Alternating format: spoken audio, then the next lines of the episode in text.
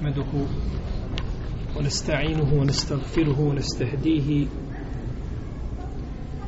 ونعوذ به من شرور أنفسنا ومن سيئات أعمالنا من يهده الله تعالى فهو المهتد ومن يضلل فأولئك هم الخاسرون وأشهد أن لا إله إلا الله وحده لا شريك له وأشهد أن محمدا عبده ورسوله. يا أيها الذين آمنوا اتقوا الله حق تقاته ولا تموتن إلا وأنتم مسلمون. أما بعد فإن أصدق الكلام كلام الله تعالى وخير الهدي هدي محمد صلى الله عليه وسلم وشر الأمور محدثاتها وكل محدثة بدعة وكل بدعة ضلالة وكل ضلالة في النار ثم أما بعد زكاة الركاز والمعادن zekat na blago i na rude.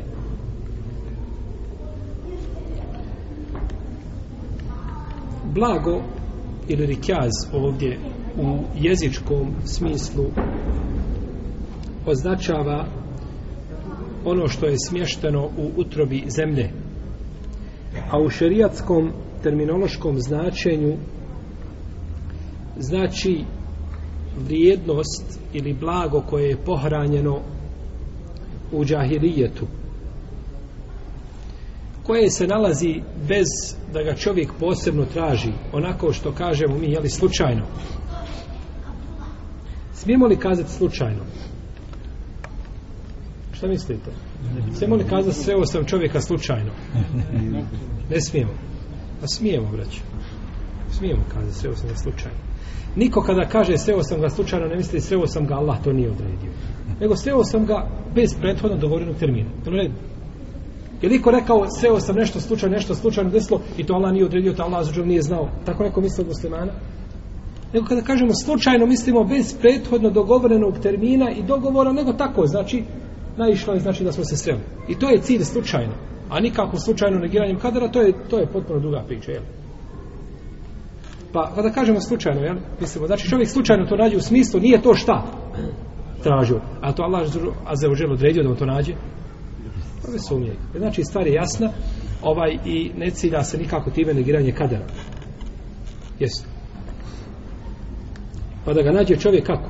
Slučajno. Slučajno. Dobro. Ne tražeći ga, jel? Ne tražeći ga. Pa nema nema oko toga puno posla. Nema puno zahmeta, nema puno rada. Nego je radio nešto drugo, kopao i na tom putu znači našao tu vrijednost ili to blago. Bilo da se radi o srebro, zlatu ili o drugom blagu. El meadin, el maden, to je u jezičkom smislu označava nekakav epicentar. Maden nečega, to je centar nečega. A u terminološkom smislu to je ono što izlazi iz zemlje, što se vadi iz zemlje. Bilo da su to rude koje su u čvrstom stanju, poput recimo zlata, poput srebra, poput, ne znam, železa, bakra, olova. To sve čvrste, znači rude. A mogu biti u tečnom stanju, kao što je gorivo, kao što je nafta kao što je katran, kao što je živa i slično tome. Je tako živo izlazi u tečnom stanju? Je li utečeno ili utečeno? Jeste. Autor je spomenuo to u čvrstom stanju. Da izlazi u čvrstom stanju. Nije ispravno da izlazi živo u tečnom stanju. Ovaj, da je to je ovaj, a, a, najrijeđi element danas je živa. Ona se najmanje ima, jer u svi elementi.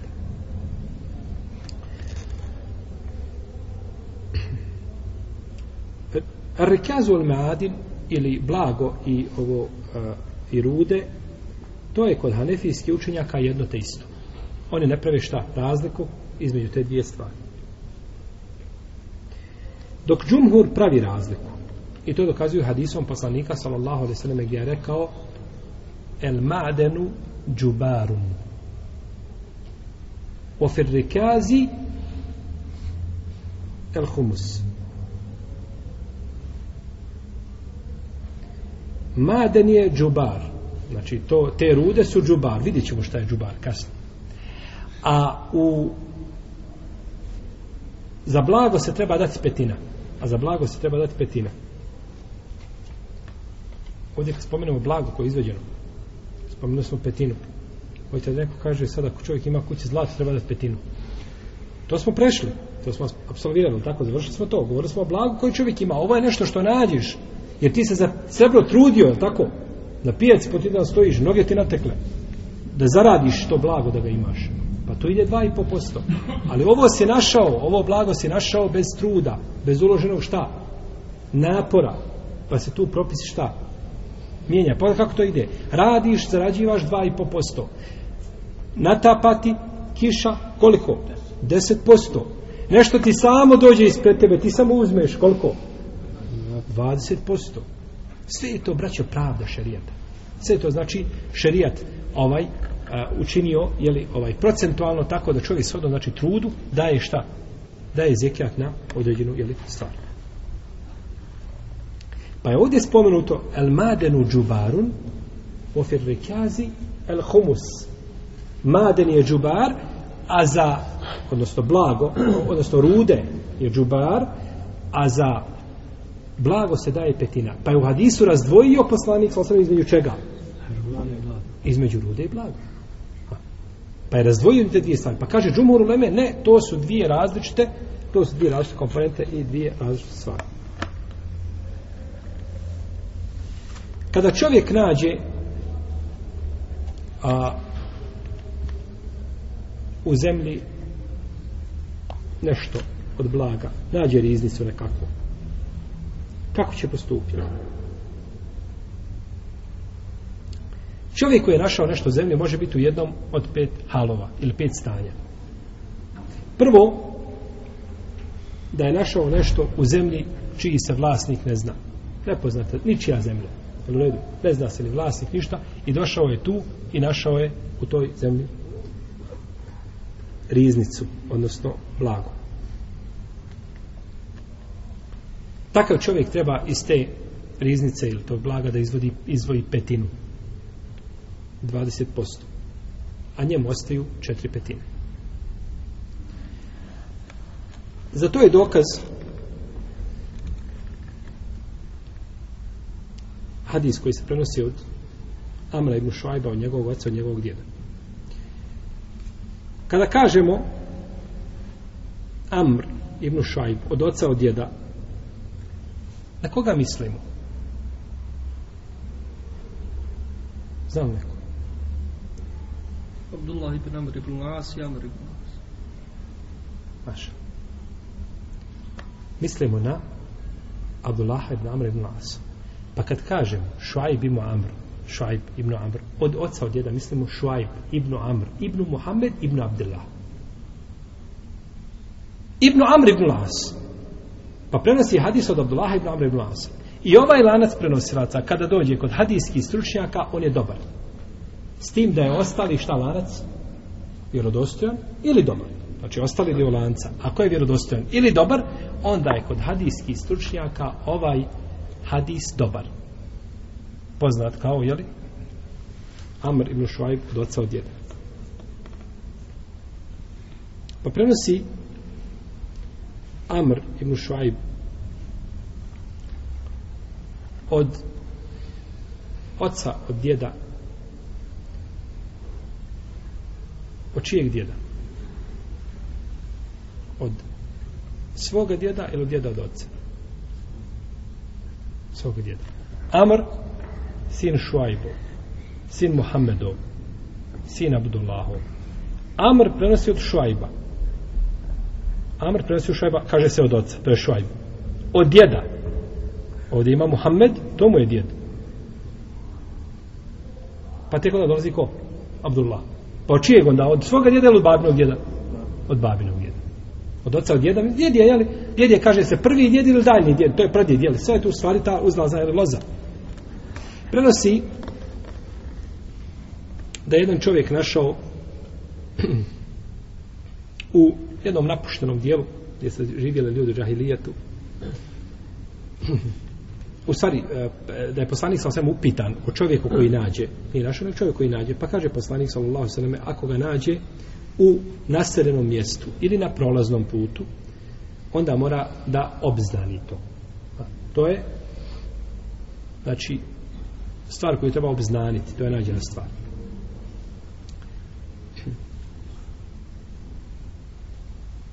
A ako ga nađe u napuštenom džahilijetskom mjestu gdje su nekad ljudi živjeli, niko više ne živi, ili u selu, selu koje je napušteno, pusto, nikoga nema, pripada njemu i mora za njega dati petinu. Bilježi ga je Budavud, ima Mahmed, sa dobrim lancem prenosa. To je prvi slučaj, da bude šta? Da ga nađe u znači zemlji čiji se vlasnik ne zna. Pa nam je hadis ovdje dokaz za dvije stvari. I to je druga ovdje po redu.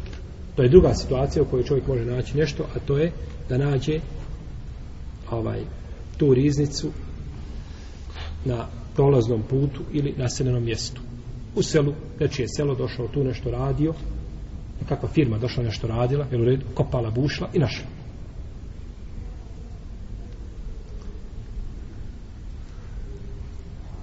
Ako se nađe znači u ovakvom mjestu naseljenom poznatom, onda je dužnost da se traži vlasnik. Traži se vlasnik. I dokaze za to prethodni hadis. A ako ne nađe vlasnika, onda pripada šta? Pripada njemu. Onda je kao rađena stvar. Treća situacija da ga nađe na tuđoj zemlji. I ovdje u Lema imaju po mojem pitanju imaju tri različite mišljenja. Prvo, da pripada vlasniku zemlje. Znači, našao se nešto na tuđoj zemlji, to pripada vlasniku. Tako kaže imam Ebu Hanife i tako kaže Mohamed ibn Hasan Šejbani. I to bi trebalo odgovarati malikijskom mišljenju. Jel? I to je jedan rivajet od imama Ahmeda. Kaže imam Ahmed po drugom rivajetu i to je mišljenje smatrao lijepim i odabrao ga isto tako Ebu Jusuf, učenik Ebu Hanife, da pripada onome koga nađe. I treće mišljenje je da se pravi razlika, da se pita prvo vlasnik kuće da li je njegovo, pa ako on bude to svojato i kaže da je njegovo, onda mu se vraća, u protivnom pripada čovjeku ili koji ga je našao. I to je mezeb imama šafi. U svakom slučaju ovdje znači spore kada se nađe u zemlji drugog čovjeka ili drugog vlasnika. Četvrti hali, četvrto stanje u kome se može naći onaj koji nađe nešto, jeste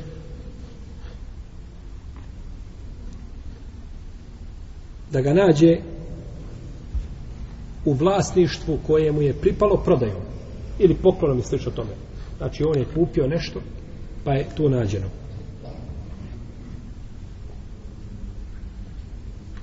Kaže imam Malik, Jebu Hanife i poznato je domišljaj kod imama Ahmeda kaže da pripada čovjeku koji ga je kupio. Osim ako prvi vlasnik bude, prvi vlasnik ako bude zagovarao da je to njegovo. Prvi Jer je prvi vlasnik zagovarao da je to njegovo, a on mu je prodao kuću i zemlju, a nije mu prodao šta? Riznicu. Čovjek otišao, zaboravio. Nije riznica spomenuta ni pod razno, je li da je u ugovoru. I on kaže da je njegova. Može li ovaj potvrditi novi vlasnik da nije njegova? Dokazati? Ne može. Ne može dokazati da nije njegova, znači ovaj vraćamo se. Drugo mišljenje koje zastupa imam Malik da se vraća vlasniku prije njega. Pa ako nema toga, onda onaj prije njega. I tako dok se ne nađe, a ako se ne nađe, onda ostaje njemu i pri, ima propis nađene stvari, koji se zove u šarijetu lukata. Koji se zove lukata, a to je nađena stvar. I ona ima posebne propise u šarijetu. I to je mezavi imamo šafije. I peti slučaj jeste da ga nađe u zemlji sa kojoj, sa kojom muslimani ratuju. Daru Harb. Znači gdje se ratuje Pa ako ga nađe u toj zemlji sa skupinom muslimana, nije ga mogao naći osim sa njima. Oni mu pomogli, on ga je našao. No, međutim, zajednički su bili sa njim i ne bi to ostvario bez njih, onda ima propis ganimeta. Ili ratnog plijena. I dijeli se, jeli shodno, tom, tom ili propisu. I drugi hal, i drugo stanje, ako ga nađe sam, došao je sam do toga znači i metka i uzeo ga bez znači pomoći drugih. Ovdje u Lema ima dva mišljenja. Ovdje sam slučajci imaju dva mišljenja.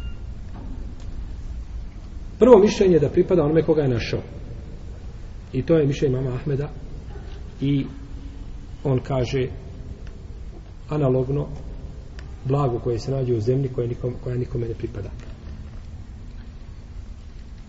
I drugo mišljenje je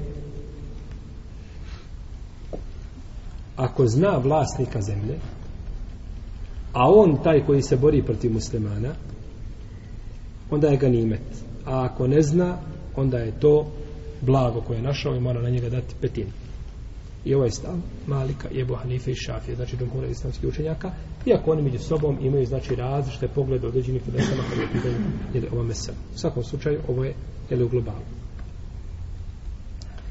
kada se nađe nešto u zemlji nije uvjet da ta nađena stvar da pregodi niku čovjeku niti je uvjet da ima nisab.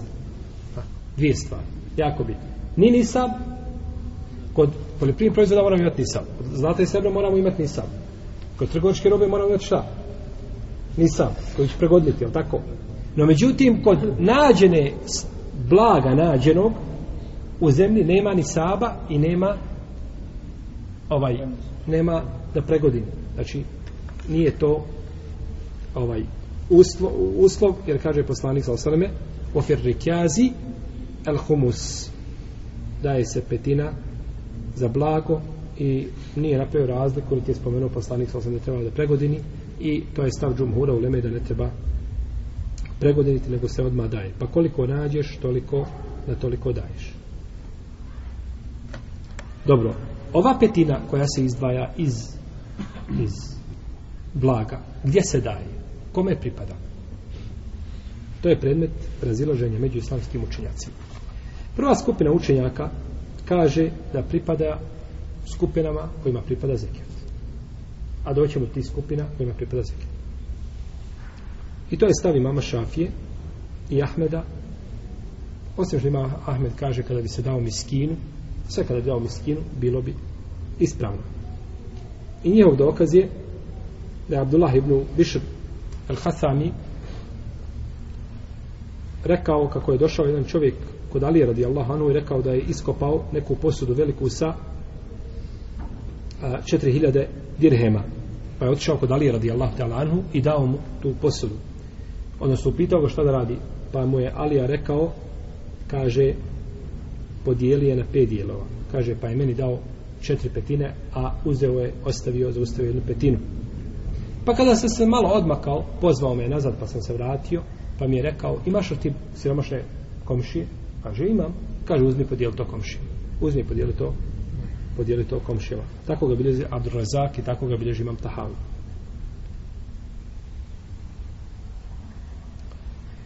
Drugo mišljenje da ova petina, govorimo o petini koju čovjek daje na šta na nađeno blago. O toj petini koja se daje pripada ili daje se tamo gdje se daje feje. Feje. A feje je u arapskom jeziku ratni plijen, ali nije onaj ratni plijen koji je ganima, koji se stekne prilikom ratovanja, znači bori se protiv neprijatelja muslimanska vojska i potiste neprijatelje ne ostave tenkove, ne znam, i metak, bacali puške, bacali opremu i tako dalje. Sve što ostane, to se smatra ganimom. To je plijen dakle. ali fej u arapskom je kad u stvari u terminologiji šerijatskoj je kada vojska neprijateljska pobjegne i ostavi sve iza sebe znači ostane sela, gradovi pusti i onda muslimani ulaze i kupe ili oni usput bacaju u redu to znači nije dobiveno šta direktnom borbom nego je ostalo znači iz straha pobjegli ostali to je znači šta fej Kao što su muslimani ostavljali ovdje ali sela, bježe ostavi sve. Ostavi četnicima, ustašama da dođu da to pokupe. Jel? To je fej, samo na kukavički način. Jeste. Jel, gol, goloruki narod je najlakše otjerati iz kuće, ali pokupe ono što oni imaju. Pa je fej ono što je ostalo, znači, od ljudi koji su pobjegli. Od, od vrijednosti. Dobro. Ova petina, ona se daje tamo gdje se daje fej. Ali je problem kod i ovo ovaj je stav mama Ebu Hanife i Malika. I jedan rivajt od imama Ahmeda i odabrao ga Ibnu Kudame. Ali je problem gdje se to sada daje fej. Tu je opet razilaženje među islamskim učenjacima. Gdje se daje fej? Pa da li se fej daje borcima ili ostaje za opću korist muslimanima? Kaže imam Malik, fej i humus, ovaj humus idu sve u Bejtul Mal. Idu znači u Bejtul Mal. Dok kaže džumuru leme, oni razlikuju između ovoga humusa koji je ganimet između feja. Kažu humus ide u ono što je uzvišen Allah te barak u tala spomenuo u suri Al-Anfal. Wa'lama annama ganimtum min shay'in فأن لله lillahi وللرسول wa lirrasul wa والمساكين qurba wal yatama wal wa ibn sabil. Pa je spomenuto ovdje šest znači Allah šanu te barak tala i poslanik sallallahu alejhi ve sellem njima ide od tog humusa ide e, bližnjima, i jetimima, i miskinima, i putnicima, namjernicima, kažu to je fejk. To ide u stvari humus od, od ganime. A fej ide, kaže džumhur uleme, ide u bejtul mal i onda imam vođa muslimana, namjesnik, jeli, gleda opću korist i daje ga tamo gdje želi, gdje misli da će najbolje koristiti. Pa je džumhur napravio razliku između, znači, kažu, a, petina iz ratnog plijena ima tačno znači određene znači kategorije gdje ide.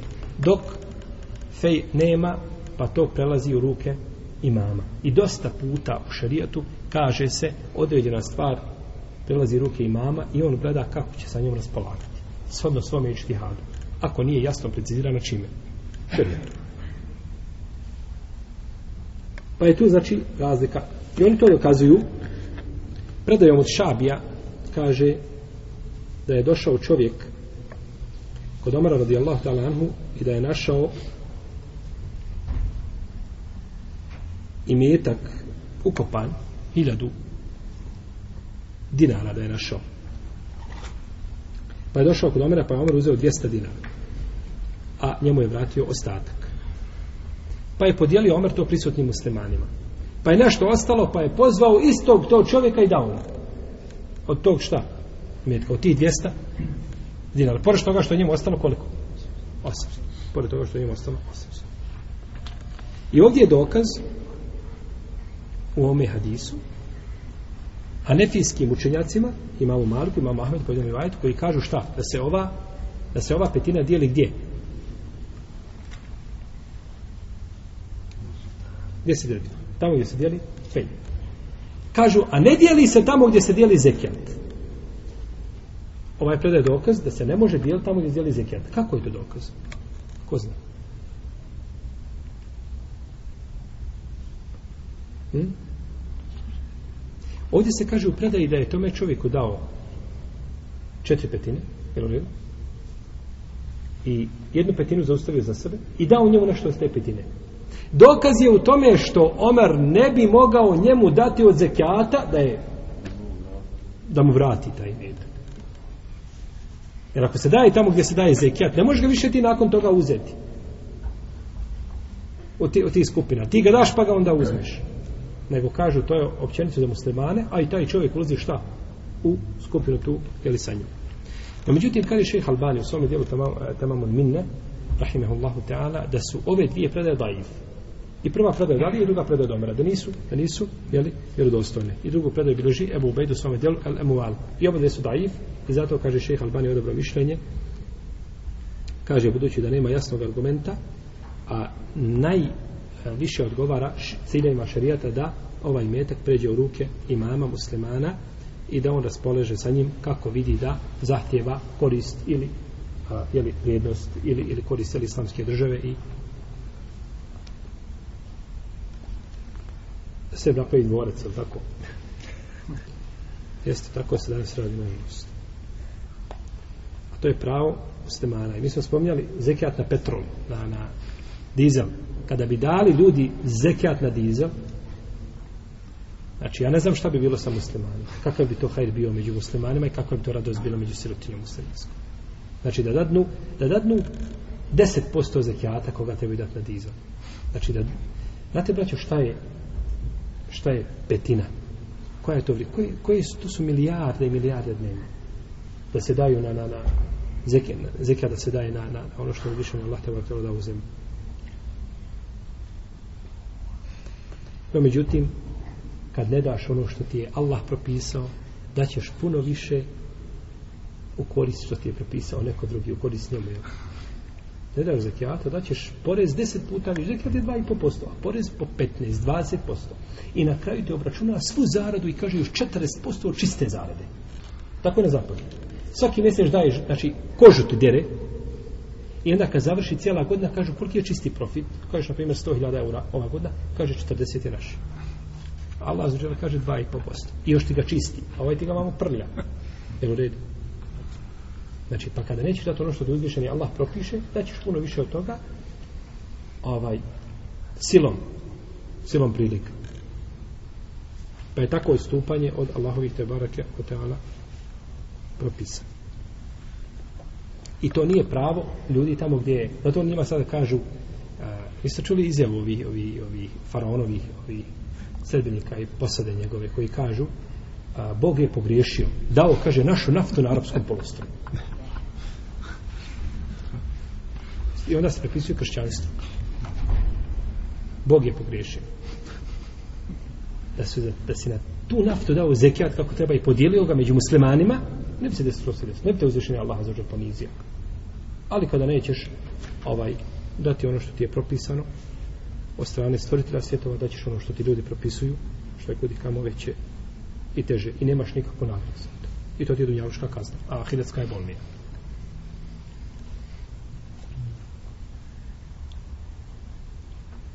Dakle, daje se ovdje da imam muslimana procijeni gdje će i kako će znači sa ovom petinom?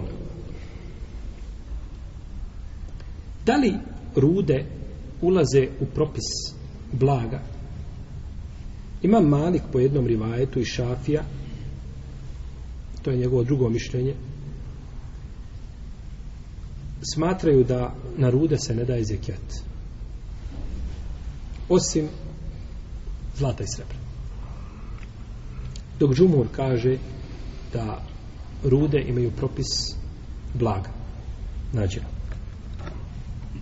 Bez obzira radilo se o zlatu, srebru, željezu, olovu znači bakru sve što je čvrsto ide u tečnom stanju nije bitno.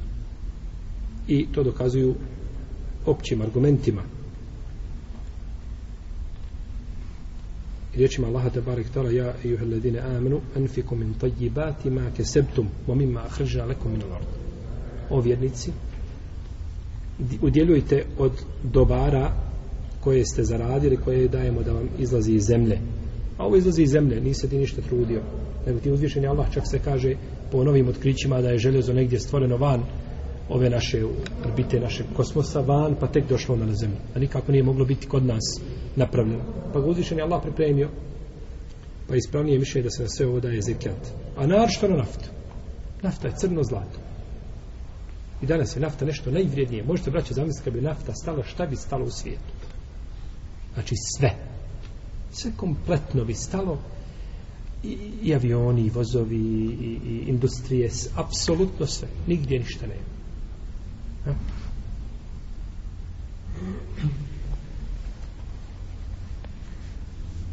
Obaveza je davati po mišljenju Ebu Hanife i njegovih učenika Ebu Ubejda i drugi da se daje na rude petina kao što se daje našta na blago. Dok Džumhur Uleme kaže da se daje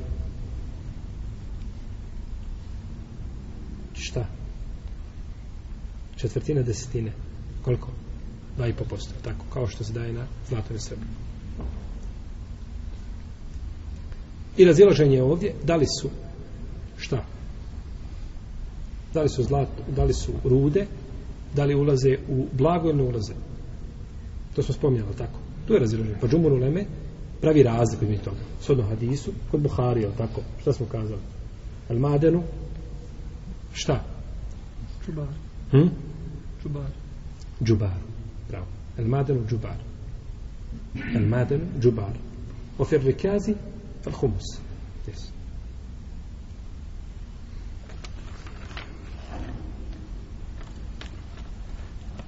Neki učenjaci prave razliku kada je u pitanju znači zekijat na i količina zekijata, pa kažu ako je ono što je izišlo iz zemlje u odnosu na rad i na trud obimno, onda se daje petina. Malo si radio, a puno šta? Izišlo. Onda se kaže da je petina.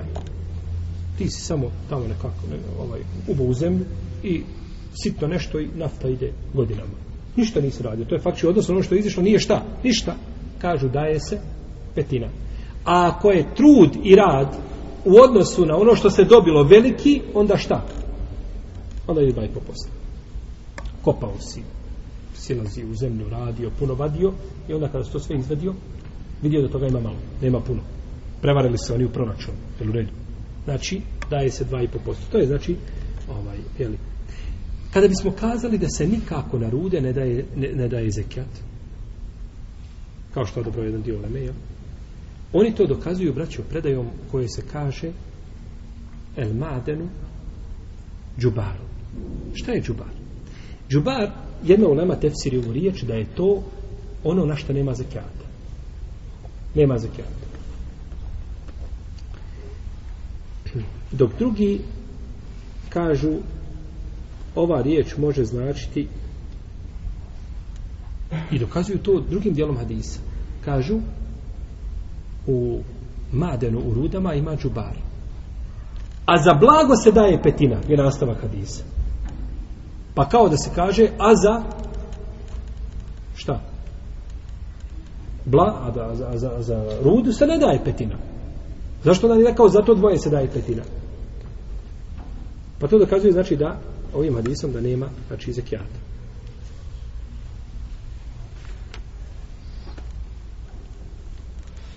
I kažu još za blago čovjek nije uložio nikakav trud. Kopao si kanal za vodu i naišao na sanduk blaga. Dok za rude treba šta? Treba trud. Treba da dođeš, da vidiš, da osmisliš, da ispitaš ima li, nema li. Znači, puno truda treba da dođeš do te rude. Jer uglavnom biva, znači, negdje pod zemljom i teško je izve. Ideš ciljano, položen veliki trud, kažu, pa na to nema šta. Nema zekijata. No, međutim, ova riječ al-madenu džubar može značiti i u smislu heder. To jeste da a, a, jeli, čovjeka koga bi a, a, iznajmio da ti radi, pa kada bi mu se nešto desilo vadeći rude, ne bi ti morao to da, da nadoknadiš. Kao što je došlo a, ovaj, za bunar. Bunar je džubar. Znači čovjek kopa bunar, ti ga iznajmiš, kopa bunar i on sobom pogine kopajući taj bunar. Ti ne moraš ništa šta. nadoknaditi kao poslodavac, jer nisi ti napravio nikakvu šta. Reš, kao ni čovjek koji iskopa bunar na svojoj zemlji, iskopa bunar i neko najđe, padne u bunar i slomi se, ništa čovjek ne mora namiriti. Ali kada bi iskopao bunar na prolaznom putu, tada bi morao šta. A u svojoj zemlji kada iskopaš bunar, neko da neđe da upadne, nisi dužan da da mu namiriš štetu ili da, da, da platiš krvarno i tako da. Pa je znači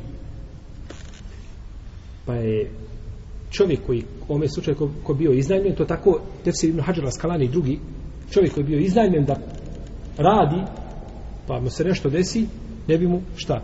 Ne bi trebala nadoknada. A kažu za blago petina. Pa nije hadis dokaz da se ne daje šta? Zekijat ili je hadis u najmanju ruku nejasan. Postoji mogućnost, a imamo opće jasne argumente koji ukazuju šta da se na to daje, da se na to daje zekijat.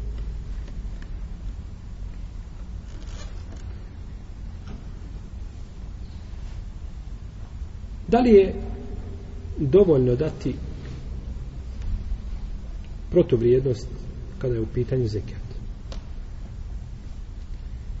Ovdje imamo dva mišljenja kod islamskih učenjaka. Imamo i treće koje ćemo spomenuti na kraju. Prvo je mišljenje da to nije dozvoljeno, to je stav imama Malika i Šafi i Ahmeda i Davuda, da se mora zekijat davati znači u onome što je propisano. O tome smo spominjali argumente, jel? koliko ide u devama, koliko ide u ovcama, sve smo spominjali, znači u kravama koliko se daje. Pa kažu, to je došlo propisano tako šarijetom, dok drugi dio islamskih učenjaka, među njima Ebu Hanife i Seuri, to je to se može zaključiti da je to više imama Buhari iz njegovog sahiha poglavlja koje je naslovio i predaje koju je e, naveo jeli, od Ibn Omara da je to jeli, njegovo mišljenje i to je jedan rivajet od imama Ahmeda i jedno mišljenje u šafijskoj pravnoj školi. Da je dozvoljeno dati protuvrijednost. I svaka od ovih skupina je dokazivala a šehol Islam ibn Taymi je otišao u treći jedan poseban mesec pa kaže jeli, dozvoljeno je ali pod okolnostima a to je da u dotičnoj robi nema vrijednosti za, nema koristi za siromaha ili kome se daje šta? Zekijat. Ili onome kome se daje zekijat. Mi smo govorili prošli put kada bi čovjek imao jeli, telefone pa došao siromahu da u telefon skupi ili pa placa auta pa mu da auto. To je siromahu, ne treba to nema koristi. On će to prodati znači za nešto što ne vrijedi ili za mizernu nekakvu vrijednost i nakon toga opet nije ostalen cilj. Pa se gleda znači vrijednost siromaha po šehu islamu Ibnu Tejmi. Gleda se znači korist siromaha. Da li je dozvoljeno dati zekat unapred za godinu dana? Znači, tebi se napuna, na, tek će se napuniti godina, recimo u, ne znam, šabanu. Da li ti je dozvoljeno odmah u Zul Hidžetu za tu cijelu narednu godinu da šta? šta? Zekat, unapred 10 mjeseci, ili godinu dana, ili 6 mjeseci, nije bitno. Saznali smo u priješnjim predavanjima da je čovjeku obaveza, vađib, kada se napuni znači godina dana da daje zekijat. I nije mu dozvoljeno da kasni. Nije mu dozvoljeno čak da kasni. Ispomnjali smo hadis da je poslanik sa osvrme la'ne la'u sadaka. La'u sadaka je šta?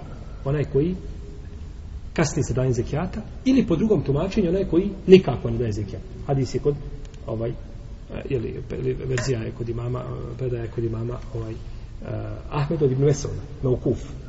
To sam spomnjala tako na prošlim predavanjima. Pa sam spomenuo razilaženje šta znači lavi sadaka. Je to čovjek koji nikako ne daje ili koji kasni sa davanjem? Imamo dva tumačenja. U svakom slučaju, to je zabranjeno. Ali da li mu je dozvoljeno dati unapred? To je predmet razilaženja među islamskim učinjacima. Prvo, dozvoljeno je, to je prvo mišljenje, koje zastupa Abu Hanife, Šafje i Ahmed i skupina Selefa. I to dokazuju predajom da je El Abbas tražio od poslanika sa osaname da mu dozvoli da ranije da zekat nego što se namiri godina, pa mu je dozvolio. I ovo predaju je ocenio dobrom šeha Albani u svome dijelu Irval Galil. I kažu ovi učenjaci razlog zbog koga je obavezno dati zekat je u potpuni. A šta je to? Nisam. Kažu nisam postoji. Dok postoji nisam može se dati šta? Zekat. Prije nego što ga je obaveza dati kao što je čovjeku, čovjeku dozvoljeno da vrati dru, dug prije isteka vremena. Jel u redu? Je dozvoljeno? Jesu. Čovjek, hajmo ovako, čovjek ranio čovjeka. I sada hoće da da taj kefaret i dadne ga prije nego što preseli. I dao ga njegovoj rodbini, krvarinu, prije nego što je šta? Preselio. Je li ispravno? Jeste. On je dao ono što je trebalo dati prije vremena. Kažu, nema svetnje. Isto tako za po pitanju zekijanta. Drugo mišlje da je to zabranjeno, to je stavi mama Malika.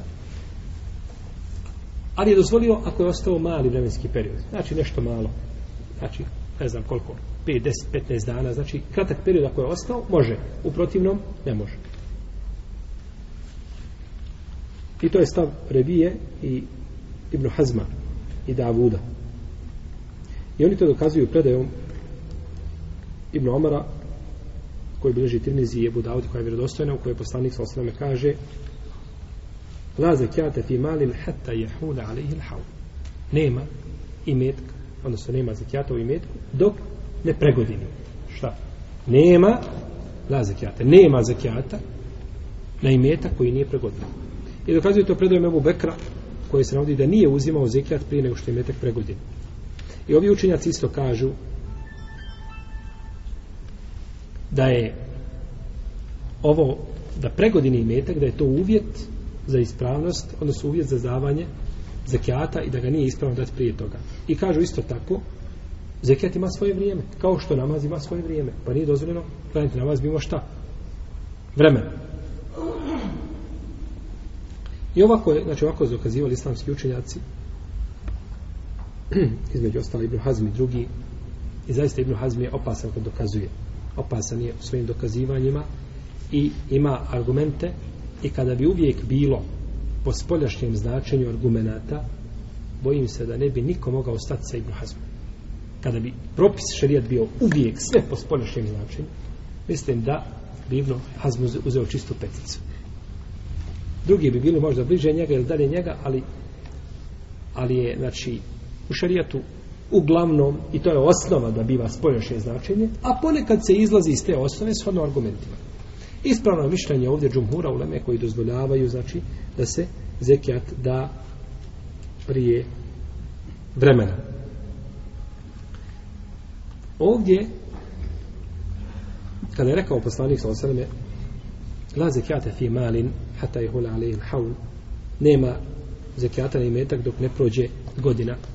Je li ovim poslanik sa osrem mislio da zabrani da nema zekijata dok ne pregodini imetak? Ha?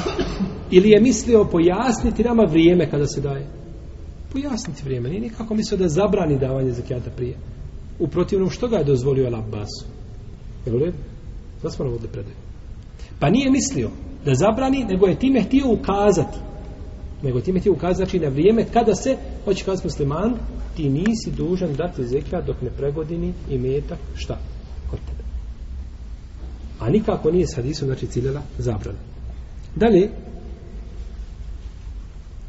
ovdje navodi da Ebu Bekr nije uzimao, odgovaramo na argumente, šta? Ibnu Hazma i Malika i Rabije i drugi učenjaka kaže e, oni kažu ovdje da Ebu Bekr nije uzimao. Što Ebu Bekr nije uzimao? Je to dokaz da se ne može uzeti? Nije, nije uzimao. Nije uzimao možda iz određenog razloga. Da ne oteža ljudima, ne želeći, ali nije kazao da se ne može. Nije kazao. I da je rekao da se ne može, mi imamo poslanika sa osam koji je šta? Dozvolio. Pa opet, pored jeli Ebu Bekra, koja je Ebu Bekr, no međutim, jeli, riječi neprikosnovenosti ili nepogrešivosti pripada samo poslaniku sa osam. Dalje, oni ovdje čine kijas, kažu da je to kao namaz. Namaz ima svoje vremena, pa tako ima šta? I zekijat ima svoje vremena. Ibn Hazm, kod njega nema kijas. Ibn Hazm je u potpunosti nabiro kijas. kijas. Analogije, kod njega nema analogije. To u šeritu kod njega ne postoji. Jer ima posebno dijelo koje je nazvao Ibtalu kijas. Negiranje kijasa. I uh, on je, jeli, u svome stilu, on je to sve argumentima dokazao i razvalio se jednostavno. No, međutim, sam Ibn Hazm, rahimehullahu ta'ala, bio je mnogo slučajeva prinuđen da upadne u kijas. Bio je mnogo slučajeva, znači, prinuđen da upadne. Ovaj. I ovdje, ovaj argument je jak. Šta da namaz ima svoje vremena, i zekijat ima vremena. Zašto ti sada pomjer, kojim pravom ga pomjeraš? Kako je odgovorilo ovo, ko zna? A često ovo ponavljam. Ovo pravilo često ponavljam, samo ga sad trebamo primijeniti. Pa ćete vidjeti da je pamćenje znanja jedno, a primjena nešto skroz drugo. Pa se ne smatra učenjaka onaj ko puno nauči. Učio Kur'an i naučio Buhari i muslima od mali. Nije tako. Nego to znanje treba zna, razumijeti i primijeniti ga. E, odatle dolazi ilum i to je znanje. Jednostavno iz razloga, braćo, što nema, često smo slušali da u ibadetima nema analogije. Je li tako? Jesmo slušali? Nema u ibadetima analogije. Ibadeti su ibadeti. Namaska vremena a, je nešto gajru ma'kulil ma'na. Što mi ne možemo razumima shvatiti. Zašto je to vrijeme podne od vremena kada je sunce u zenitu ili pređe na drugu polovinu neba dok pređe, pa dok svaka stvar ne dostigne šta? Jednu dužinu. Ako nebo Hanife, dvije dužine. Zašto je to tako? Zašto nije, recimo, određeno na drugačiji način. Zašto nije tri dužine? Zašto nije pola dužine? Ne možemo to shvatiti. Zašto je jacija do pola noći? Ili zašto je, ne znam, akšam u tom vremenu? To ne može razum shvatiti. I to je samo da kažeš semjena u apa. A zašto je da pregodini imetak? Da bi što? Se umnožio, ali tako? Ako daš imetak dok ti dođe, daš ga, pojede ga zekijat. Nemaš vremena da ga umnožiš. Ne, šarijet prvo priliku da ga umnožiš, pa da ga onda očistiš. Pa tako da je analogija ovdje, znači, neispravna. Pa se ne može analogija činiti i ispravno je znači da da se može ovaj dati zekijat unaprijed naročito naročito ako ima potreba za tim možda dođe godina, ne znam, godina sušna najavili godina sušna Ili kao što su najavili, kaže ova 2009. i 10. će biti stalno u jel, padu nekakvom tom ekonomskom. Pojavio se nekakav problem. I muslimanima potreban imetak. Možda mi nakon toga nećeš više treba davati. Pa da se dadne unaprijed nikakve znači smetnje nema. U tome je korist, znači za tome je korist za sigurno one skupine koje prihvataju zekijat. Nakon toga došli smo do poglavlja skupine ljudi kojima se daje zekijat.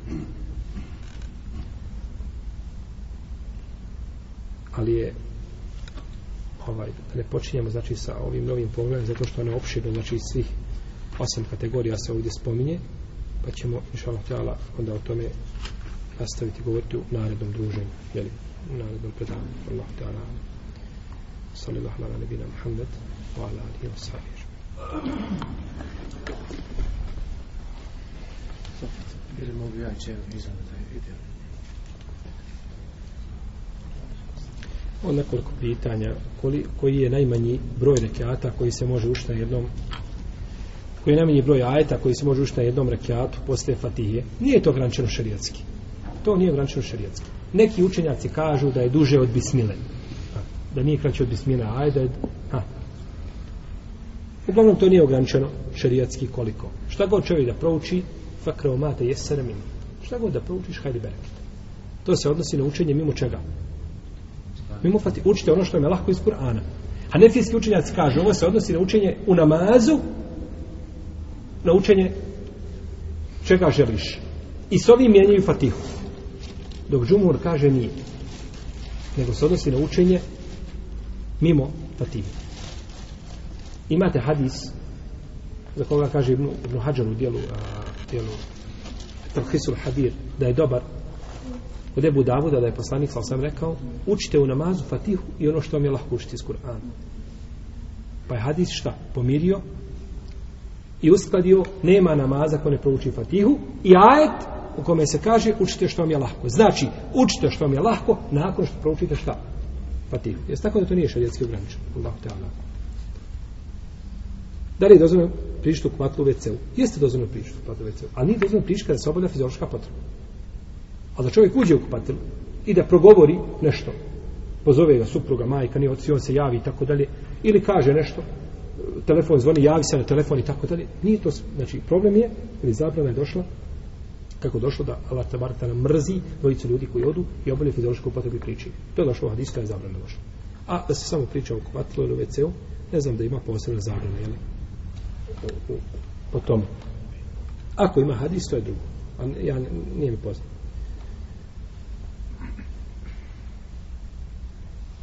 Da li se može duha namaz klanjati u džematu i ako može učili ima na glas? Ovo je pitanje, znači, e, pitanje da li, da li se ovaj, e, da li se na file, znači, klanjaju u džematu. Osnova je da su ovi namazi klanjaju samostalno. Znači, osnova je da se klanjaju pojedinačno. Kao što se podneski sunet klanjaju pojedinačno, kao što se drugi, znači, sunet za koji klanjaju pojedinačno, tako se, znači, klanjaju i ovi suneti pojedinačno. Allahu ta'ala.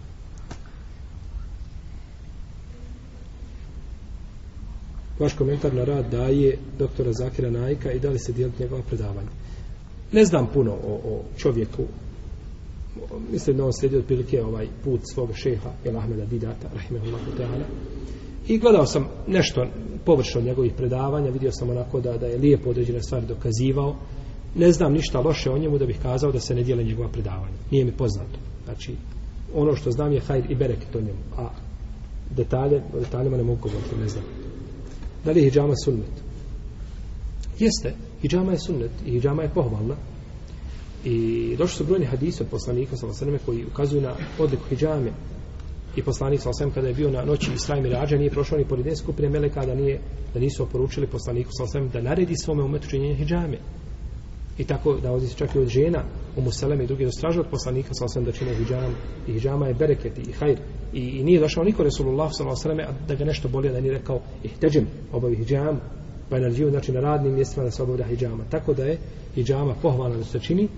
Ako čovjek ima potrebu da je učini, hajri bereket. Ako nema potrebu, bar neka je jedan put u životu učini da je praktiko taj sunnet. Imam Ahmed Rahimahullah je jedne prilike pozvao hađama. Čovjeka koji će hijjama. I ovaj mu je učinio hijjamu i on mu je platio. Pa mu kažu, što si to uradio, nisi bolestan? Kaže, nisam bolestan, nisam nikakve potrebe za hijđamom, ali kaže, ovo je hadis po kome nisam radio. Nikad po njemu nisam postupio. A hadis je da je poslanik sa osanem pozvao hađama i platio. Iako je po plaćanju hijjame, tu veliko razilaženje među islamskim učenjacima, ispravno je da je dozvoljeno plada, da je čovjek dozvoljeno da naplaćuje, ali ne znači da posebno ucenjuje i, i da znači ovaj time koristi muku ljudi, nego znači da to bude nešto umjereno ili koliko ljudi čovjeku dadnu da je to dozvoljeno da se uzme spajajući takve argumente u kojima se kaže da je ružna zarada hađama i vamo da je poslanik sam dao kako da spojimo hadise, spojit ćemo i tako što kažemo jel, da to bude nešto što je umjereno ili što je ovaj nije znači da koristi hađam muku ljudi. Koliko ovca treba biti stara da bi, bi mogla biti kurban? To je razilaženje među islamskim učenjacima. Koliko ovca treba biti stara da bi mogla biti znači da bi mogla biti za kurban? Ovaj, razilaženje među islamskim učenjacima. Jedni kažu šest mjeseci, drugi sedam, osam, čak do godinu dana. Ispravno mišljenje da napuni većinski dio godine, znači da je prevagnula preko šest mjeseci, da može znači tada poslužiti jeli, za kurban i to je Allahu te alam da je to mišljenje koje bi moglo biti najispravnije. Iako ima znači i drugih mišljenja po ovome pitanju. Da li je ispravno da se pri selamu braća uz rukovanje dodiruju glavama, tačnije slepočnicama. Nije ispravno, to je batel. To je batel. Kada se grle muslimani, treba da se zagrle. Znači da, da priviješ svoga brata na svoje grudi. S jedne i s druge strane. A nikako znači da se samo glavama, znači slepočnicama da se dotaknu. To nema veze ni sa sunnetom, ni sa čim. To je novotarija i to je bidat. Pa ponekad mi želimo sunnet, a činimo najveće bidate. Pa je bolje ostaviti to, bolje to ostaviti, ja se pozdravi šerijatski, a nemoj nikako.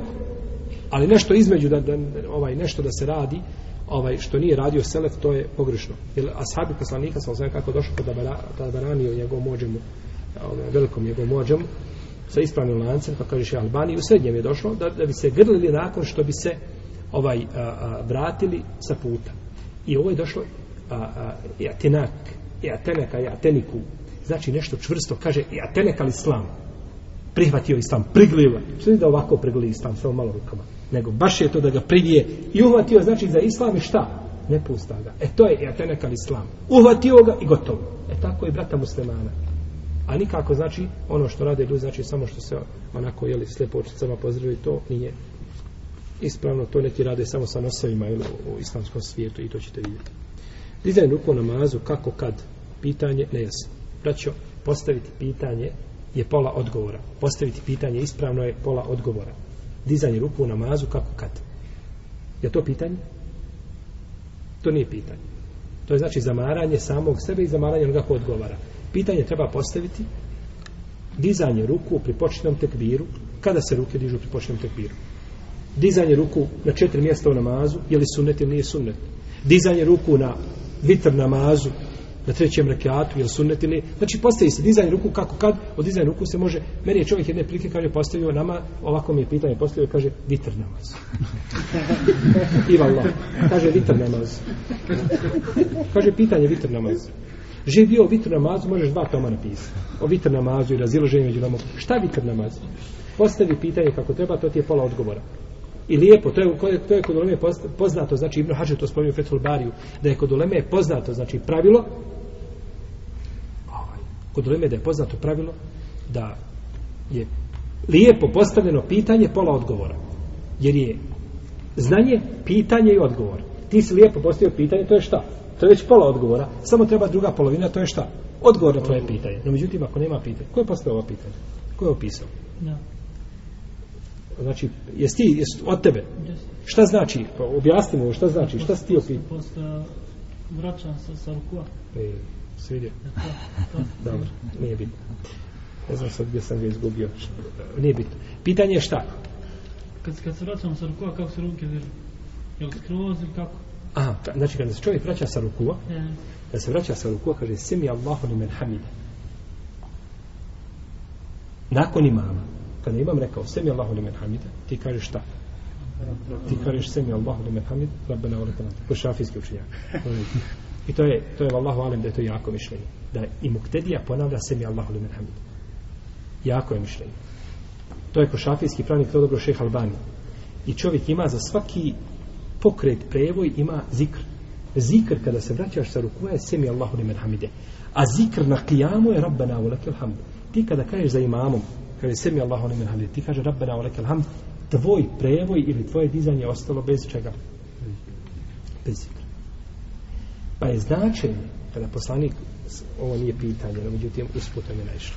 Kada poslanik sa osvijem kaže, kada imam kaže semi Allahu limen hamide, vi recite Rabbena wa hamd, hadis bi značio, vi recite Rabbena wa lakal hamd nakon što je imam, nakon što ste kazali šta?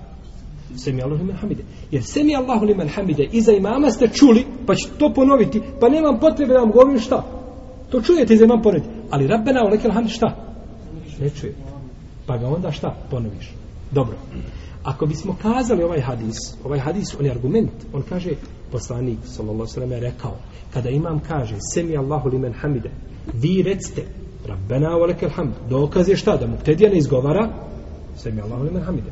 Onda iz istog hadisa moramo razumjeti drugu stvar, a koja je neminovno batil, a to je da imam ne izgovara Rabbena velekel hamd. Jer on je rekao, kada imam kaže semi Allahu hamide, vi recite šta? A ne imam. Jel u redu. A možemo to razumjeti? Smijemo to razumjeti sa hadisom? Nikako. Znači onda hadis ne može šta biti? Jer ne možemo hadisom dokazivati šta? Gdje nam odgovara, a ne dokazivati gdje nam šta? Ne odgovara. Jel u redu? Danas kada ovi dođu pa kažu Muhammed ovaj je jeli, kako opisuje Rasulullah sallallahu ovaj da je bio jeli već kako ga opisuju kad su pitanje djeca jeli i, i e, ženjenje jeli mal, po njima maloljetnih djevojčica i tako dalje mi kažemo u redu poslanik sa uopće nije imao ženu Ajšu. Gdje to stoji da on imao ženu Ajšu? Izmišljotina. Dokažite nam da imao ženu Ajšu. Bojno. Neka dođu sve, nek dokažu da imao ženu Ajšu koja pa imala devet godina kada je oženio. Nikada poslanik sa nije imao žene koja se zove Ajša. Kazat ćemo jest. Kako nije? Pa budem dokažite. Pa će nam doneti Buhari muslima, tako? Neće nam doneti iz Kur'ana ništa, nego doneti Buhari muslima. Kao što vidite ovdje hadis, to je a u redu. Stvarno jeste hadis, to je dobro. Jer vi vjerujete te hadise? Vjerujete Buhari i Muslim? Imaju dva odgovora. Da kažu ne vjerujemo, onda ne može dokazivati sa tim. Ili da kaže vjerujemo, e ako vjerujete, da morate, morate vjerujete sve. Vjerujemo. Pa ćemo mi iz Buhari i Muslima donijeti tovar, tovar hadisa, u kamion ne mogu stati, koji govore o odlikama poslanika i o njegovim vrijednostima i o njegovom lijepom postupanju. I o, znači, onome da, da ćete vi nakon toga morati biti muslimani. To vam nikako ne ide u prilog. Znači, ne možeš dokazivati sa argumentom tamo gdje ti odgovara, nego to je problem. Dokazuje tamo, imao je četiri žene i time dokazuje. Imao je devet žena i time dokazuje. To je, to je problematika kod njih. Dobro, vjeruješ li ti u Kur'an i u hadis? Ha? Vjeruješ u Kur'an i u hadis? Ja vjeruješ ili ne vjeruješ? Pa je, znači, dokazivanje sa dijelom nečega je novotarski put. To je novotarski put. Onda radi rađen kakav logički argument, ako misliš da ima, da bi pobio teoriju islama. To ti je bolje nego da dokazuješ sa, sa argumentima. A ti su svi argumenti protiv tebe. Ti si našao jedan koji je po, po spoljašnosti, misliš da tebi ide u priloga, ne ide nikako, a svi drugi su protiv tebe. Pa ako ih prihvatiš, sam si sebe, sam si sebe ovaj, sam si sebe osikao gran na kojoj si sjedio. U redu. U redu. Hajmo se vratiti imamu.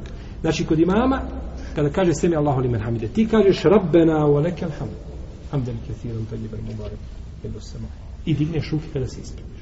I ruke digneš u visini kada se ispraviš sami Allahu limen hamde rabbana wa lakal hamd i ruke digneš u visini ramena ili u visini uši.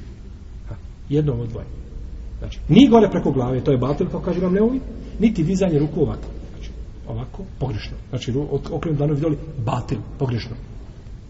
Niti napola, niti ovako, skupljene ruke ovako, sve pogrešno. Ruke se dižu, sami Allah.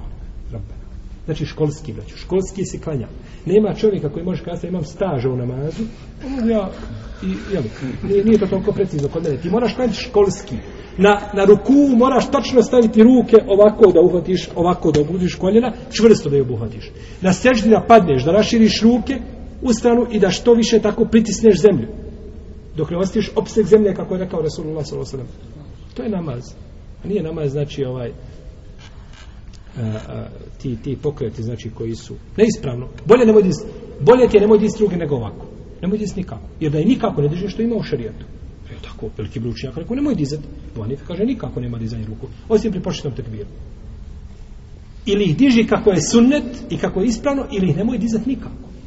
Ali da čovjek radi nešto između, došao si sa novotarijom koju si ti izmislio. Nije niko rekao od islamskih učenjaka. Jer ne znam nikoga da rekao od islamskih učenjaka da se ruke dižu ovako.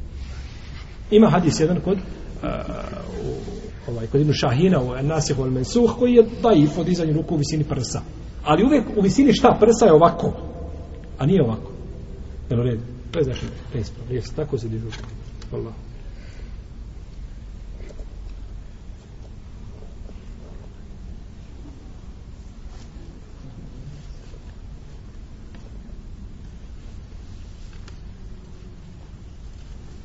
Je li dozvoljeno koristiti parfeme u kojima ima alkohol? Tu se spor vodi vraćaju je li, je li alkohol e, čist ili nečist. Tu je, znači, sva je poenta i sve je vezano za alkohol. Da li je čist ili nečist? Džumhur uleme, između kojih imami četiri pravne škole, Ebu Hanife, Malik Šafi, Imam Ahmed, kažu da je alkohol nečist. Da je nečist. Dok kažu neki učenjaci, Rebija, Šeši Ukjani, to je odabro Ibro Semini, Šeši Albani i drugi, da alkohol čisti. To je ispravno mišljenje. Nema dokaza da alkohol nečist. Ne postoji argument u šerijetu koji je jasan da je alkohol nečist. Ja, ejuha alladine amenu, innama l'hamru wal mejsiru, wal ansabu, wal ezlamu, riđs, riđs, min ameli šeitani fešte. Riđs je nešto što je nečist. Ali riđsom su nazvati kipovi. Jel u redu? Riđs ne može, znači kad dotakao kipa ne moraš se abdestiti toga.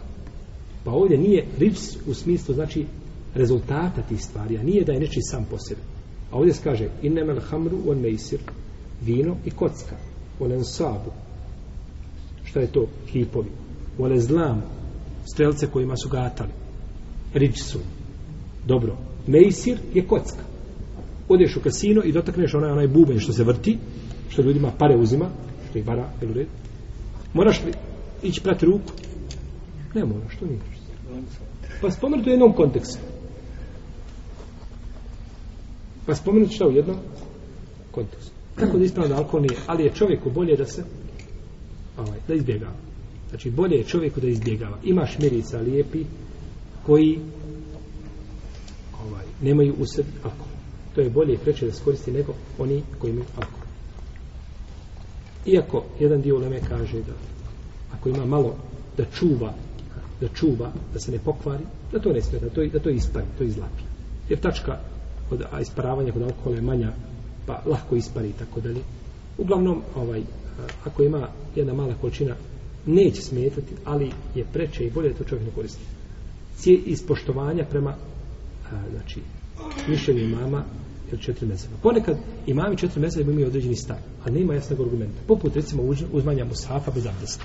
Nema vjerodostojnog i jasnog argumenta o zabrani uzmanja. Ha, da je sto, nema. Ali imami četiri pravne škole, kako kaže Ibn im su složni. Pa je onda čovjek preče da to... To, ako igdje trebaš da paziš na svoju vjeru, treba šta? U tim stvarima. Ako ima podjela mišljenjima, to je druga stvar. Međutim, ako nema te podjele, onda je... Medicinski alkohol, to medicinski alkohol je isti.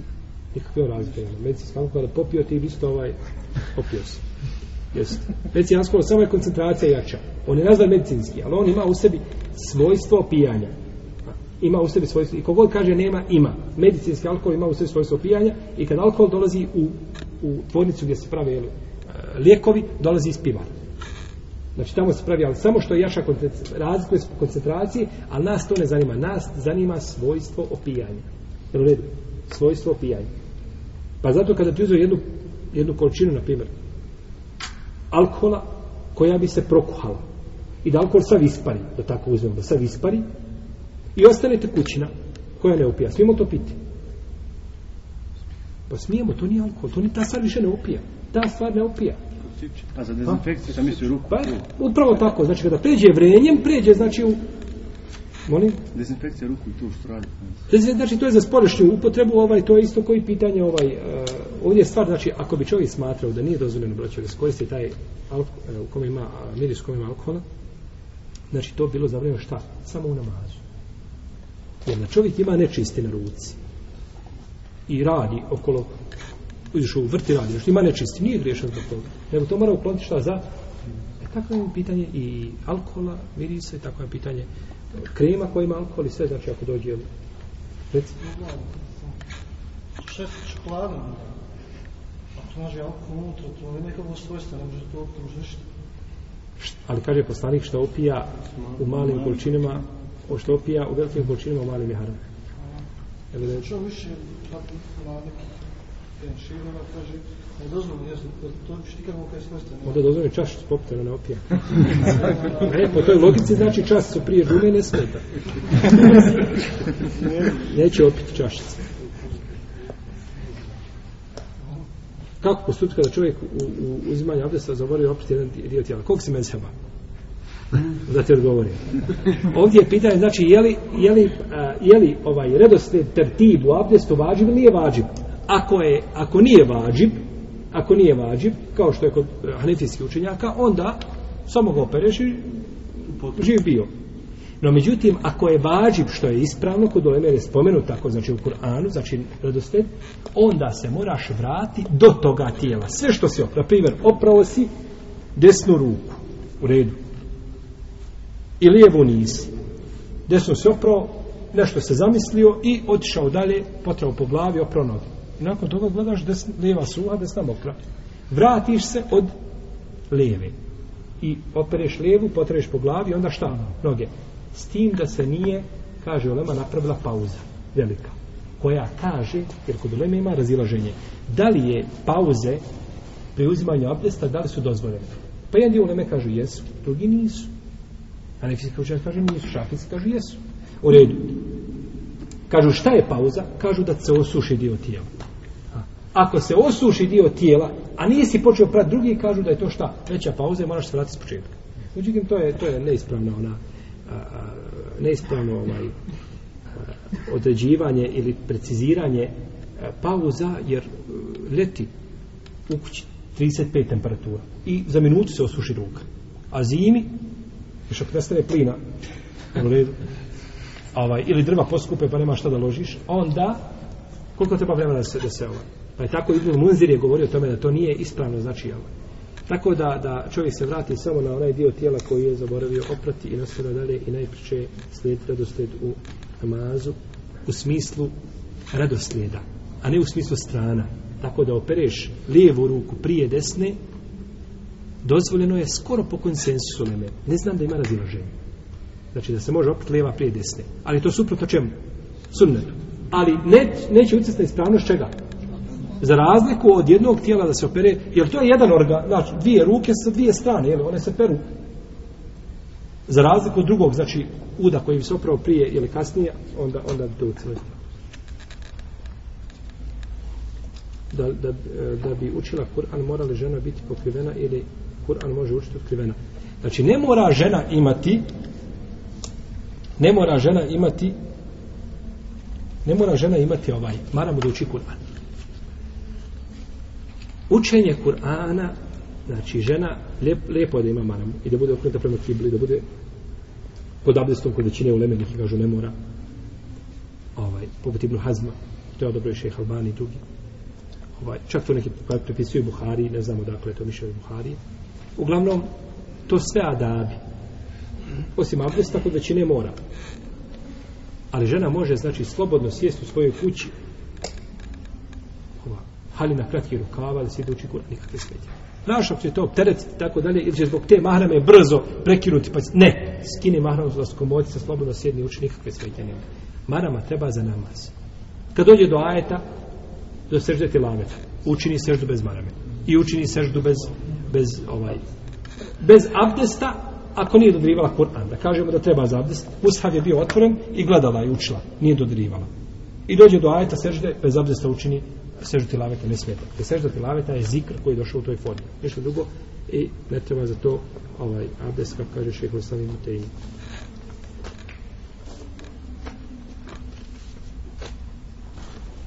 Kvarili se abdest ukoliko čovjek zaplače, ne znam da iko, iko od ulema je rekao da se kvari abdest onome ko zaplače ne znam da ima i takvo mišljenje, znači te stvari ne kvare, da čovjek pljune, da zaplače, da žena podoji dijete. Kaže Ibnul Munzir, po konsensusu žena kada podoji dijete ne kvari abdest. To nema razloženja među lemu. To je znači jednoglasan stav u leme. Wallahu ta'ala alem. Tafadal še, hajde se obrati, bar, bar 10 minuta da te čujemo. Hajde, bismillah, hajde, bismillah. Hajde, hajde, ahlan sahlan. Hajde, bujno. Allah je da nekada. marir Allah je.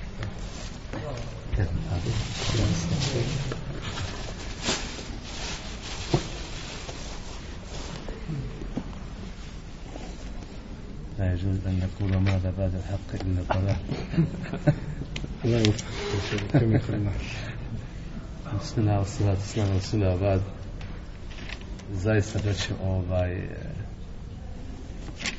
ovo je prvi put da ne znam što da kažem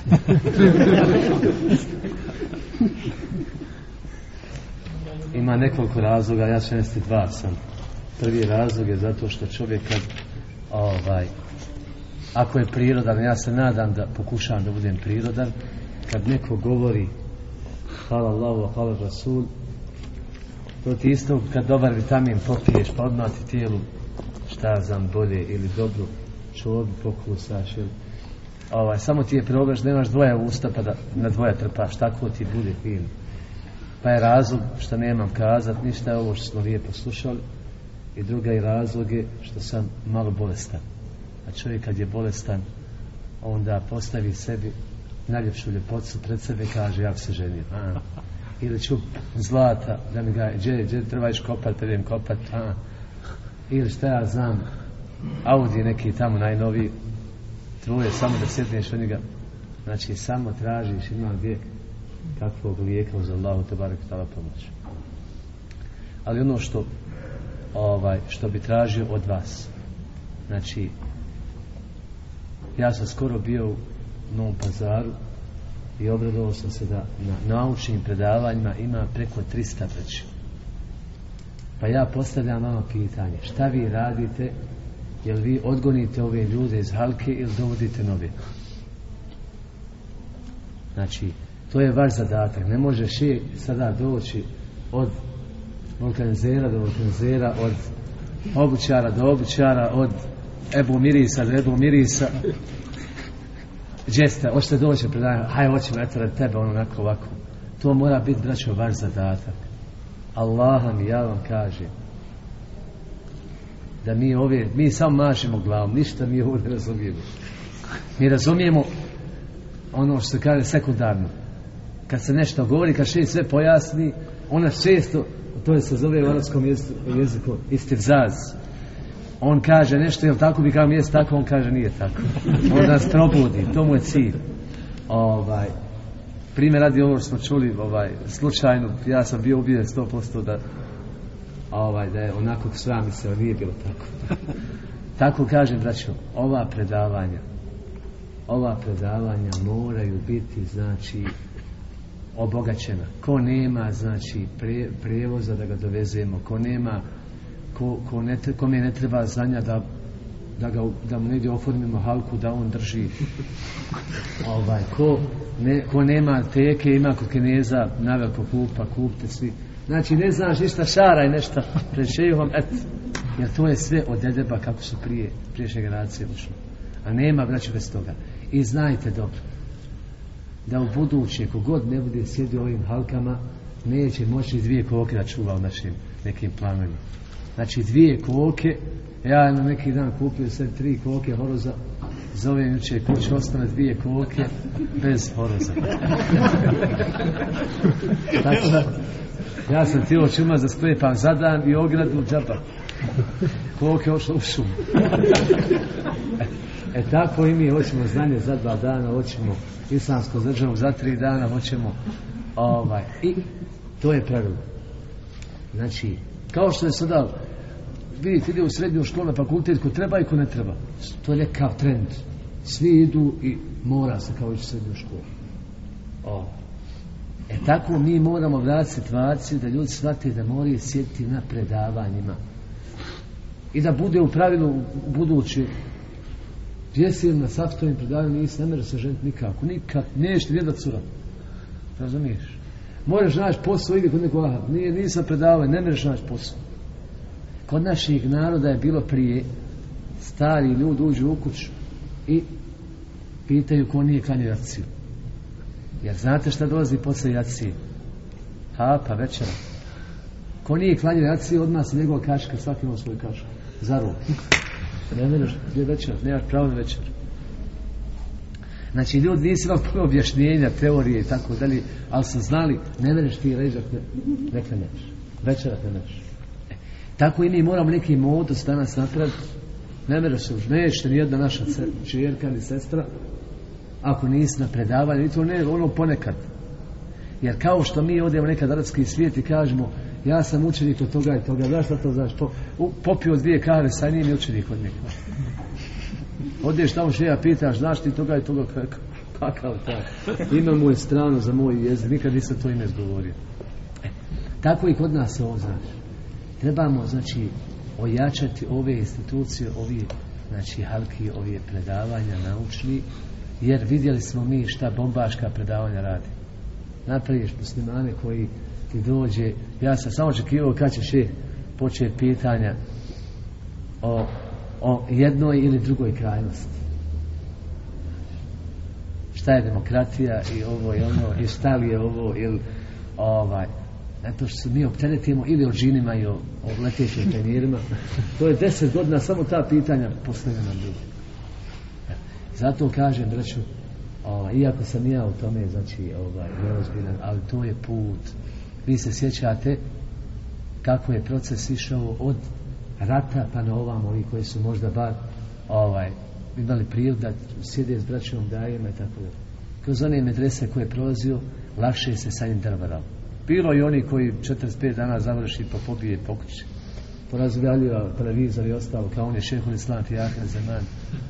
Ovaj, ali znači s tom braćom je lakše bilo deverati s tom braćom je bilo lakše deverati i kad ti pogledaš ovdje u Sarajevu 700.000 Sarajlija koliko je sad, a ima i milion vjerovatno i onda dođeš na predavanje Allaha mi znači na ovom je predavanju bez obzira mi nikoga ne sjetimo pred Allahom Želešanu treba da sjede sve daje. Znači ko utorkom nema u Sarajevu obaveza i nema ders na drugom mjestu treba da sjedi na ome predavanje. iz dva razloga da vi osjetite više nije keramet da dvojica daju ja sjede zajedno i broj dva da se uči vjera. Jer nekom je Allah Žešanu dao. Jel da keramet a nije keramet jer ja sam safet iz istog kraja pa to nije keramet. Mi se moramo ovog džaba. Ko sa džaklije oni? Ne mogu sam čim sa džaklije on se iz jednog kraja jel? E, Sarajlije iz jednog Sarajeva jel? A, e, ali inda, e, nije ni to više krame znači onda. Ja govorim samo zato što ovaj koliko je učenika učitelja od šeha Buhari je bilo na njegovom na njegovim predavanju. I to je pravilo. I zato ima znači kao ja sam puno zauzet radim za islam, maša Allah. Radiš za islam je za svoje kljuse na kraju spadne, privatizirao si islam. Zato mora se na etehijatu tu se izgoni pomeni oholost i tu se ovaj odgajamo uz Allahu pomoć i to učimo. Neko će popat više neko će manje. To je to je braćo put. I na kraju nemojte zaboraviti dovu za ovu našu braću ovaj, koja su nepravedno i na nepravdi Boga zatvoreni. Ovih dana se pripreme jedan leta koji je onako znači čisto da se probudi ta emotivna strana kod naših bošnjaka. Ovaj, napisao jedan brat lijep pletak koji je više onako znači da kažemo emotivno dira nema tu ni ajeta ni hadisa nego čisto onako neke činjenice iznio pa dođete do toga letka štampajte ga, dijelite ga narodu. Čisto onako da to je ono što su braća dava nama u emanet. Neki dan jedan brat bio pa su rekli nemojte nikve radikalne jer mi i ne znamo biti radikalni mi bošnjaci smo znali biti radikalni ne bi 16-17 puta bili poklad na ovim prostorima. Ovaj, nego da eto na neki način običnom svijetu dostavimo ljudi pogledaju dnevnik ali im nije jasno treba im pretumaš pa eto ako dođe taj letak do vas širite ga širite ga kaže. Dalje. I pitajte sve ljude koji ne dolaze na ovo saftovo i na harmino predavanje nek dadnu odgovor nek napišu odgovor ja sam učevni odni ili nek napišu odgovor ovaj oni su u zabludu dokaze su 1 2 5 10 50 ili oni su ovaj nisu znači muslimani nikako. Pa da znamo i mi koji dolazimo da se znamo možda smo pogriješili što dolazimo na predavanje. Znači, ali kažem to opet kulturno zato što nama je cilj da se uči vjera i kogod pokrene neki hajr, mi ćemo ga inša Allah uz Allahu pomoć podržati. Šeheh ima jednu, ovaj, neću kazati, ne valja reći šeheh da ima ružnu naviku. Kad ovo je primijetio, mene proziva. A Boga mi ja sam bolestan, morao sam vidjeti sve odleti, svašta nešto. O, ali eto,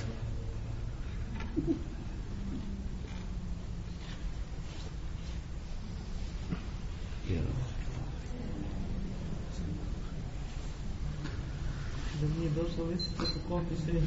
molim, nije po kopi. nije Lija Bolan neka kuja nekakva. ja. I to hore mi stravnika došao hedije, razumiješ? Gama sloti ode hora. Jest. Ali on izgleda zna po glašiću da bježi, onda nekako nije znao. Ja.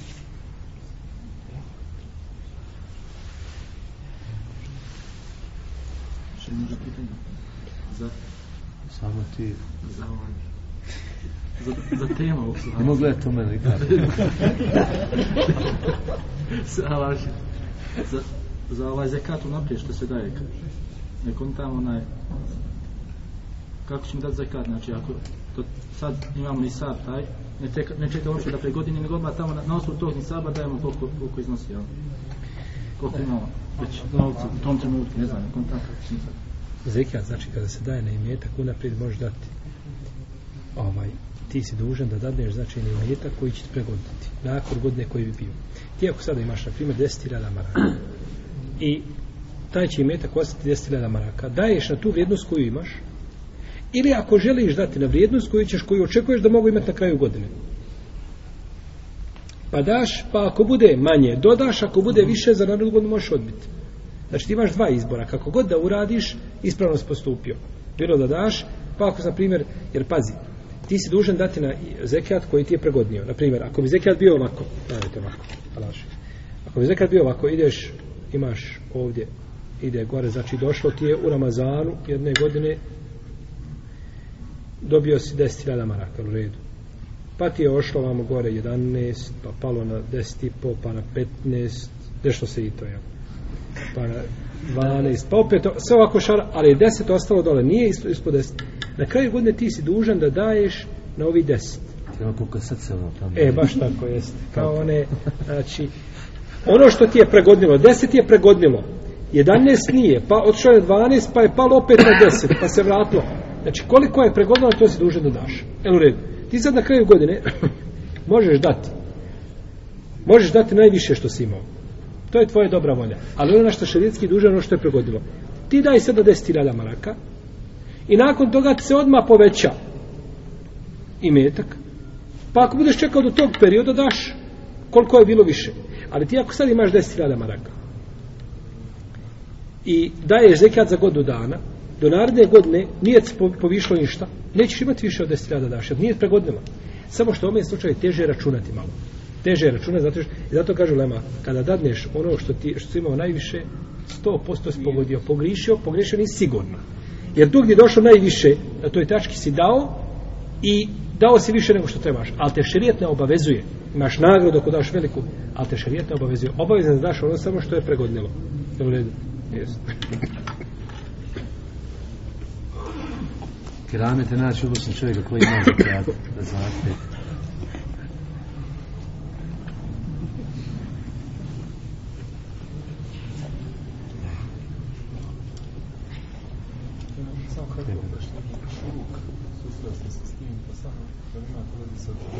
Šuruk? Pitanje šuruk ili salatu šuruk? Salatu šuruk. To ti je salatu šuruk ti je salatu šuruk ti je ovaj nazvani salatu šuruk iako nema u sunnetu tog naziva. To je tako Lema ga nazvala kao tehitul mesečin nazivi koji je došli u šarijetu do Leme nije došlo u sunnetu. To je nama, znači namaz za izlazak sunca. E sada namaz koji se klanja nakon što ostaneš u džami, ono što ostaneš u džami, pa zikriš ili do izlaska sunca, iako neki su pregovarali hadisu, kažu da je daji. Ali ispravno da hadis da, da, da, je hasan, da može proći. ovaj, i klanja nakon toga dva rekiata, ima nagradu hađa i umre. Potpune. Dobro. Ta dva rekiata koja klanjaš, jesu li salatu šruk, namaz za sunce, ili su, te, ili su duha namaz? U šarijetu ima jedno pravilo koje kaže hamlul hukmi ale te'sis eula min hamlihi ale te'kid da je određeni propis bolje razumijevati u smislu novog nego potvrđivanje starog. U redu. Kako? Ti sada imaš ovdje je došlo da ima salatu šuruk. Kada bismo kazali da je to jedan novi poseban namaz, jesmo li time došli sa novim ibadetom ili smo potvrdili stari? Molim? Kažemo da ima salat šuruk. A ima nešto zove duha. Kada kažemo salatu šruk nije duha, to je poseban namaz, jesmo ga potvrdili stari, jesmo došli novim? Došli novim. Ako bismo kazali da je to duha, onda ćemo potvrditi stari. A doći sa novim je preče nego šta? Potvrditi stari. Jer tako se lepeza i tako koji su na fila čini većom. I to je cilj šarijata. Što god ti je veći broj e, onim i mogućnost da dođe što više nagrada, to ti je šta bolje. Je u redu? Pa je ispravnije kazati, shodno tom pravilu, Allahu alem, da je to namaz koji je zaseban, nazovi ga salatu šruk, nazovi ga kako hoćeš, u imenima nije poenta, jer poslanik kaže kod uđe u džami, ne je dva rekiata. Ti, ti kad ideš, ne ideš tehijetul mesečit, je tako? Ali tehijetul mesečit nema u sunnetu. Međutim, cilj je, cilj je da kanjaš ta dva rekiata prije što sjediš na tom mjestu. Tako isto je ovo. Pa ispravno da je to namaz koji je poseban, ovaj, i da se klanja, znači da nije duha. To je, Allahu alem, da to moglo biti ispravno. Međutim, ko klanja dva rekata duha namaza, on ima isto nagradu. Jer je došlo u sunnet, ali ovdje kad ti klanjaš ta dva rekata, opet ćeš nakon toga usti klanjati duha. A klanjaš duha, rećeš pa klanjaš se duha i završiš u redu. To je. Yes.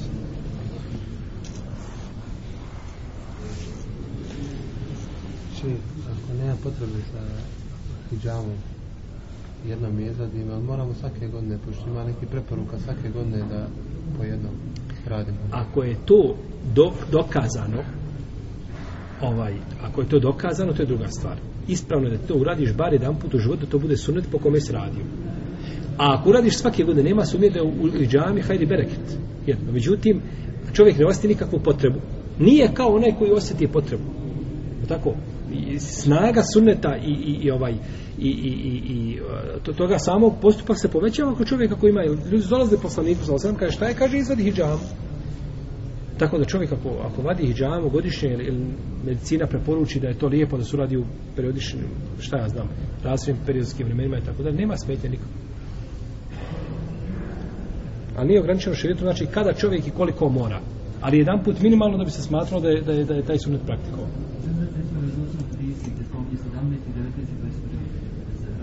Ima razilaženja među lemom velika, velika po tome hadisu. Šeh Albani je te hadise ocijenio ispravnim. Drugi je ulema pregovorila. Ima razilaženje po pitanju ispravnosti hadisa.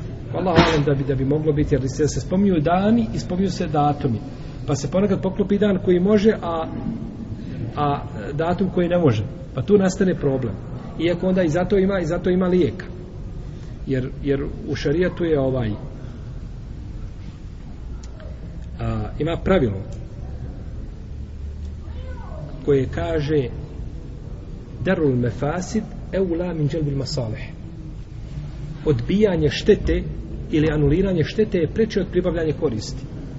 Pa kada dođe dan u kome je dozvoljeno a datum u kome nije onda ćemo šta? Odbiti jer je odbijanje štete preče od pribavljanja čega? Pa koristi No, međutim, kažem ti, pitanje je razilaženje među islamskim učenjama oko vjerostojnosti. Možda bi hadisi čak mogli biti daif, Allahu ala. Pa dodaš jedan rekat na ono što se obično klanja. Ono koliko se klanja, znači dodaš jedan rekat. Tako će biti parno. Neće biti neparno, će biti parno. Kaže u knjizi o postu, tome na kraju knjizi o, knjigi o postu, ja sam govorio o naklanjavanju i od ashaba šta se prenosi ima. Pročitaj tamo ako imaš knjigu na crvenom kosu. Ali je pravilo da se dodaje znači jedan rekiat. Dva klanjamo jedno, sjedimo, pa ustanemo drugi. Nije precizirano. Znači, ako si tri rekata klanjao da klanjaš sa jednim sjedinjem, da klanjaš sa, da ustaneš da klanjaš sve četiri skupa, sve se to može razumjeti sa Disa. Kako je došlo od Disu Ajše, da je klanjao poslanik sa osanom na zvan, četiri rekata, nemoj pitao o duljini ljepoti. Četiri rekata kako? Sa sjedinjem ili bez sjedinjem, može se razumjeti jedno i drugo.